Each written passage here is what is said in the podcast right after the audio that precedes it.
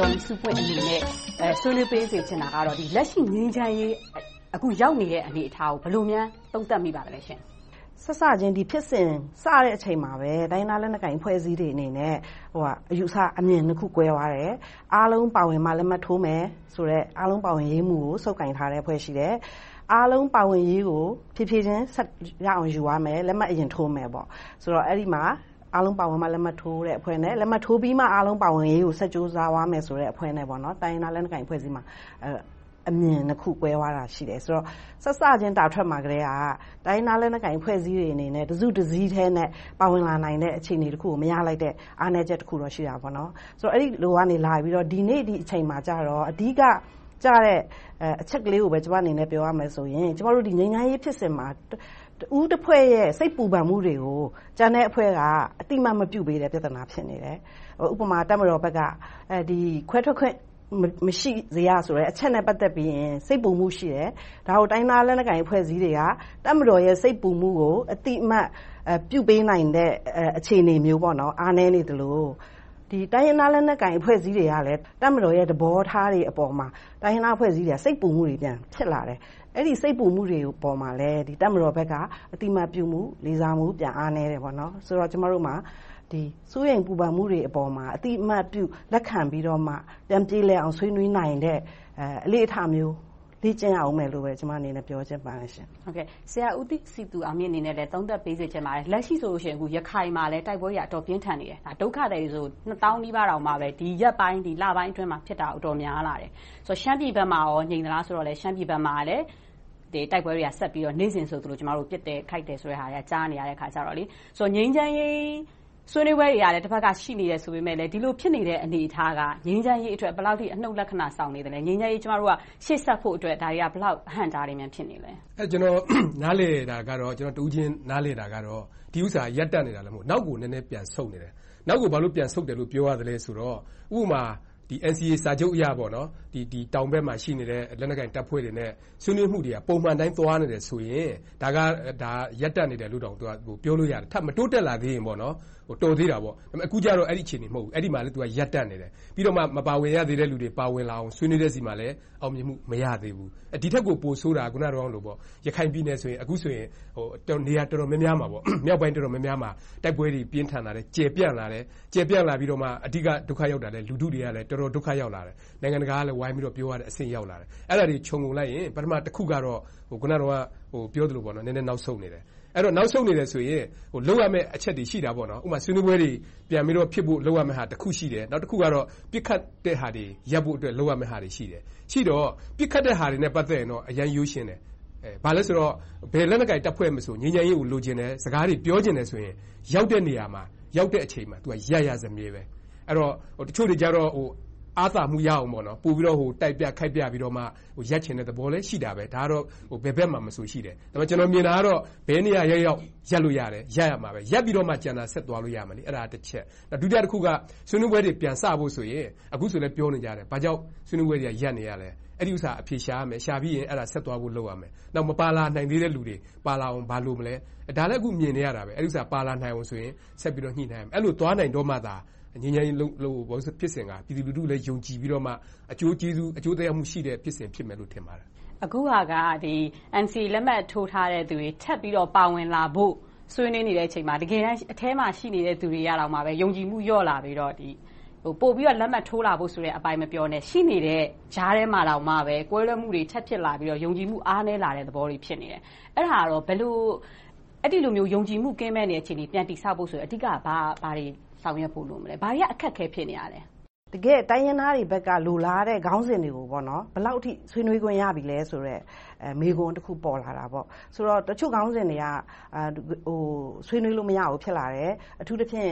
အခုနောက်ဆုံးတစ်ဆို့မှုဖြစ်နေတဲ့ခေါင်းစဉ်တွေခွဲမထွက်ရဆိုတာရယ်။တခုတည်းသောတပ်မတော်ဆိုတဲ့ကိစ္စတွေ။ကျမတို့ကကျားမတန်းတူရေးဆိုတဲ့ခေါင်းစဉ်ကိုပြောင်းပြီးတော့နိုင်ငံရေးကဏ္ဍအောက်မှာဆွေးနွေးရတဲ့ပုံစံတွေဖြစ်လာတယ်။အဲဒီအပေါ်မှာတိုင်းရင်းသားခေါင်းဆောင်တွေဘက်ကယုံကြည်မှုတစုံတရာကျလာတယ်။ပြီးတော့ရရှိခဲ့တဲ့ပြည်ထောင်စုသဘောတူညီညီချက် အစိတ်အပိုင်းတစ်နဲ့နှစ်ကို ပြန်ကြည့်ရင်လဲ ဒါတွေက တကယ့်ဖယ်ဒရယ်ပြည်ထောင်စု တည်ဆောက်ရေးအတွက် အခြေခံမူတွေ၊အားကောင်းတဲ့ အခြေခံမူတွေ မဟုတ်ဘူးလို့ ရှုမြင်သုံးသပ်လာကြတာတွေ ရှိတယ်။ဆိုတော့ ဒီလိုပဲ အချိန်အတိုင်းအတာ လတကြိမ် ဆက်ပြီးသွားနေမယ်ဆိုရင်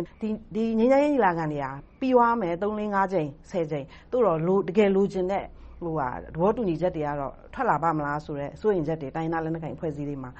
ဖြစ်လာတာတွေရှိတယ်။ဆိုတော့ဒီအချိန်မှာအခုနလိုပဲတကယ့်အင်အားကြီးတဲ့အဖွဲ့နှစ်ခုဖြစ်တဲ့ KNU နဲ့ RCSS ကနေခဏလေးငြိမ်းချမ်းရေးတရားဝင်ဖြစ်စဉ်ကနေခဏလေးရပ်ထားတယ်ဆိုတဲ့ကိစ္စဖြစ်ပေါ်လာတဲ့အချိန်မှာအားလုံးအတွက်စိတ်ပူစရာတစ်ခုပေါ့။ငြိမ်းချမ်းရေးဖြစ်စဉ်ကရပ်များရပ်သွားမလားဆိုတဲ့အခြေအနေတစ်ခုဖြစ်တယ်။သို့သော်လဲအခုဒီနှစ်ဖွဲ့ရဲ့တစ်ဖွဲ့ချင်းဆီဆွေးနွေးမှုတွေအရတော့ NCA လမ်းကြောင်းပေါ်မှာပဲဆက်လက်ရပ်တည်မယ်။ဒီနိုင်ငံရေးဆွေးနွေးပွဲတွေပိုခိုင်ခိုင်မာမာဖြစ်လာအောင်အားထုတ်သွားဖို့အတွက်ဒီကြားထဲမှာအလွတ်သဘောဆွေးနွေးမှုလေးတွေလုပ်ချင်တယ်။ပြီးရင်ဖွဲ့ထဲမှာ EAO Summit လိုမျိုးတစ်ခုမေလမှာပြန်ခေါ်ဖို့အတွက်ဆုံးဖြတ်ချက်တစ်ခုကျလာတယ်။ပြီးရင်ဆက်သွားနိုင်မယ့်လမ်းကြောင်းကိုတော့ရှင်းရှင်းလင်းလင်းပြန်ပြီးတော့ဖော်ထုတ်လာနိုင်မယ်လို့ကျမတို့ကယူဆတယ်။အဲဒီအနေအထားမှာအခုနလို KNPP ပါဝင်နိုင်မှုကြိုးစားနေတဲ့အခြေအနေကလဲအခြေအနေအကြောင်းအမျိုးမျိုးကြောင့်လက်မှတ်ထိုးမယ့် ဆဲဆဲမှာလက်မှတ်ထိုးဖို့စဉ်းစားပြီးမှနိုင်ငံရေးဆွေးနွေးပွဲတွေကိုအားကောင်းအောင်သူတို့ကပါဝင်အားဖြည့်မယ်လို့စဉ်းစားချက်ရှိတယ်လို့ကျမတို့သိရတယ်။သို့သော်လဲ NCA လက်မှတ်မထိုးခင်မှာအကြောင်းအမျိုးမျိုးကြောင့်ပျက်သွားတာတွေနှစ်ကြိမ်သုံးကြိမ်ဖြစ်ခဲ့တယ်။သူတို့အနေအထားကလဲ Bilateral အစိုးရနဲ့သီးသန့်လက်မှတ်ရေးထိုးပြီးမှပါဝင်လာဖို့အခြေအနေတစ်ခုကိုပြန်စောင့်နေရသလိုဖြစ်တယ်။နောက်မြောက်ပိုင်းအခြေအနေတွေရှုပ်ထွေးတဲ့နောက်ခံအခြေအနေတွေရှိတယ်။နယ်မြေချင်းဆက်နွှယ်နေတဲ့အနေအထားတွေအရမြောက်ပိုင်းအခြေအနေကြတော့တဖြည်းဖြည်းချင်းတထစ်ချင်းကြိုးစားလာရတဲ့အနေအထားမှာပဲရှိနေသေးတဲ့အနေအထားဖြစ်တယ်။ ကျမတို့အမြင်အရပြောရမယ်ဆိုရင် NCA လမ်းကြောင်းကကျမတို့တိုင်းပြည်မှာအနှစ်အတွင်းမှာတခါမှဒီလိုနိုင်ငံရေးဆွေးနွေးပွဲတံခါးကိုဖွင့်လိုက်ပြီဆိုတဲ့အဆင့်ကိုမရောက်ခဲ့ဘူး။အခုကတော့တံခါးကိုဖွင့်လိုက်ပြီ။ဆက်သွားဖို့အတွက်အားတွေလိုနေတာ။ဒေါ်မိဆူးပွင့်ထောက်ပြသလိုဆိုရင်နှစ်ဘက်ကိုကသေသေချာချာကျေကျေလည်လည်ညှိရမယ့်ကိစ္စတွေကိုအခုဟာကသမ္မတရုံးပြောခွင့်ရကပြောတယ်သူတို့ဘက်ကလမ်းဖွင့်ထားတယ်။လမ်းဖွင့်ထားတယ်ဆိုတဲ့စကားတစ်ခုလောက်နဲ့ပဲ လုံလောက်မှုရှိမရှိဆိုတာတော့ပြောစရာရှိတယ်။တိုင်းရင်းသားတွေဘက်ကလဲဘာတွေအလျှော့အတင်းလုပ်ရမလဲ။ဒီဘက်ကမြန်မာအစိုးရဘက်ကဆိုရင်လဲဘယ်လိုအလျှော့အတင်းတွေအပြန်အလှန်လုပ်မှဒီဟာကပြေလည်နိုင်မလဲ။ဘယ်လိုသုံးသပ်မိလဲ။အဓိကတော့အပိုင်းတွေကမတူကြဘူး။ လက်မှတ်မထိုးရသေးတဲ့အပိုင်းကတစ်ပိုင်းရှိတယ်။လက်မှတ်ထိုးပြီးသားအဖွဲ့တွေနဲ့ဖြစ်နေတဲ့ပဋိပက္ခကတစ်ပိုင်းရှိတယ်။လက်မှတ်ထိုးပြီးသားအဖွဲ့တွေနဲ့ဖြစ်တဲ့ကိစ္စကကျနော်မြင်တာရိုးရိုးလေးပဲတပ်မတော်သဘောထားတွေကတဖြည်းဖြည်းပြောင်းလာတယ်လို့ကျနော်ကတော့အဲဒီလိုမျိုးမှန်းဆမိတယ်။တပ်မတော်သဘောထားကဘယ်လိုပြောင်းလာသလဲဆိုတော့အစပိုင်းမှာအခုနမမိဆူးပွင့်ပြောတဲ့အထဲမှာလဲပါပါတယ်။ကျနော်တို့အရှေ့က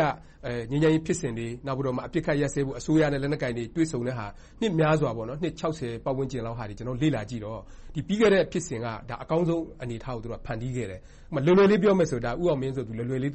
ဒါလေးကို ပုံဖော်တာရှိတယ်။ဘာလဲဆိုတော့ လက်နက်တွေကိုင်ထား။နိုင်ငံရေးကို ဆွေးနွေးကြ။ ဆွေးနွေးတဲ့အချိန်မှာ လွတ်လွတ်လပ်လပ် ဆွေးနွေး။အဲဒီအချိန်မှာ လက်နက်ဖြုတ်တာတွေ၊လက်နက်တပ်တာတွေ ဘာမှမပြောဘူး။အဲဒီလို နိုင်ငံရေးဆွေးနွေးမှု ပြေလည်ပြီဆိုတော့မှ NCA မှာလည်း နောက်ဆုံးအဆင့်မှာပါတယ်အကောင်အထည်ဖော်ဖို့က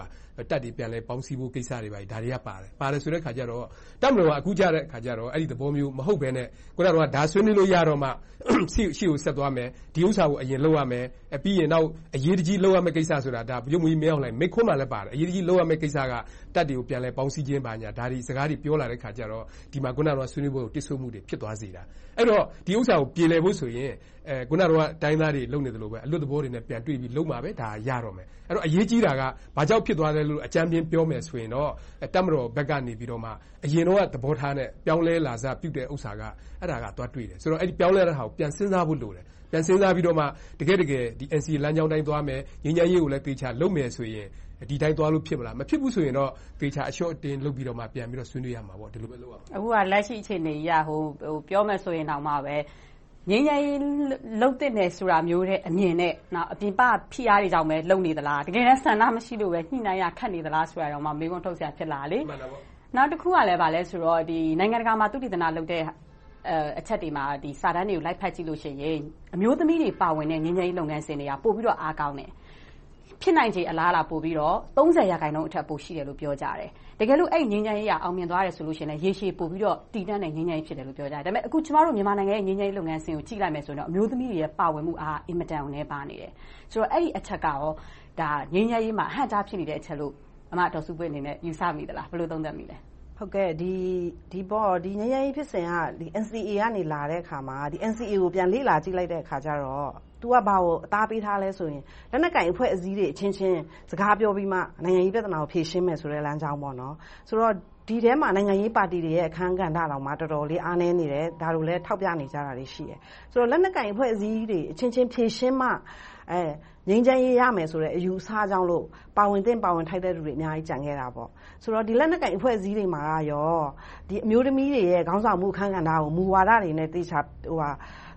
စီမံဆောင်ရွက်ခဲ့သလားလို့မေးရင်အနည်း80လုံးလုံးက no လို့ပဲပြောရမှာပဲဒီနောက်ပိုင်း5 50နှစ်မှာအတန်လေးတွေထွက်လာတယ်မူအားဖြင့်လက်ခံတယ်ဥပမာဘိုးကော်မတီ35ယောက်ရွေးမယ်ဆိုရင်တော့အမျိုးသမီးက10ရာခိုင်နှုန်းပါရမယ်20ရာခိုင်နှုန်းပါရမယ်ဆိုတော့မူအားဖြင့်ထောက်ခံတဲ့အချက်တွေလောက်ပဲတွေ့တယ်လက်တွေ့လုပ်ငန်းစဉ်တွေမရှိဘူးဆိုတော့ဒီဇပွဲတွေမှာအမျိုးသမီးတွေပါဝင်လာဖို့ဆိုတာကျမတို့ကဟိုမျှော်မှန်းချက်ပေါ့အိမ်မက်တက်တက်ပဲဖြစ်နေမှာပဲတကယ်ဒါလည်းအရေးကြီးတဲ့အချက်အနေနဲ့ထည့်သွင်းစဉ်းစားတဲ့ကိစ္စတစ်ခုလို့ထင်ပါတယ်ဆိုတော့ဟိုအချုပ်အနေနဲ့ကတော့လေငင်းချမ်းရဲ့အလားအလာကိုအတူချုပ်လေးနည်းနည်းသုံးသပ်ပေးစေချင်ပါတယ်ကျမတို့တကယ်ပဲငင်းချမ်းရေးအတွက်မျှော်လင့်လို့ရပြီလားလက်ရှိဆိုရတော့ပြောထားတာပဲဒါငင်းချမ်းရေးကသူတို့ရဲ့အတိကဥတီဆောင်ရမယ်မှာပါတယ်ဒါပေမဲ့တကယ်တန်းကြတော့ငင်းချမ်းရေးအလားအလာ ကောင်းလာပါပြီလား ဆရာ ဘယ်လိုယူဆမိလဲအဲ့တော့ခုနကတော့ဟာနဲ့ပဲဆက်ရန်ခုနကတော့အမျိုးသမီးပါဝင်မှု ပြောတာပေါ့နော်ကျွန်တော် နားလေတာက ပြည်သူလူထု ပါဝင်မှုကိုကျွန်တော်ပြောချင်တယ် ပြောချင်တယ်ဆိုတာက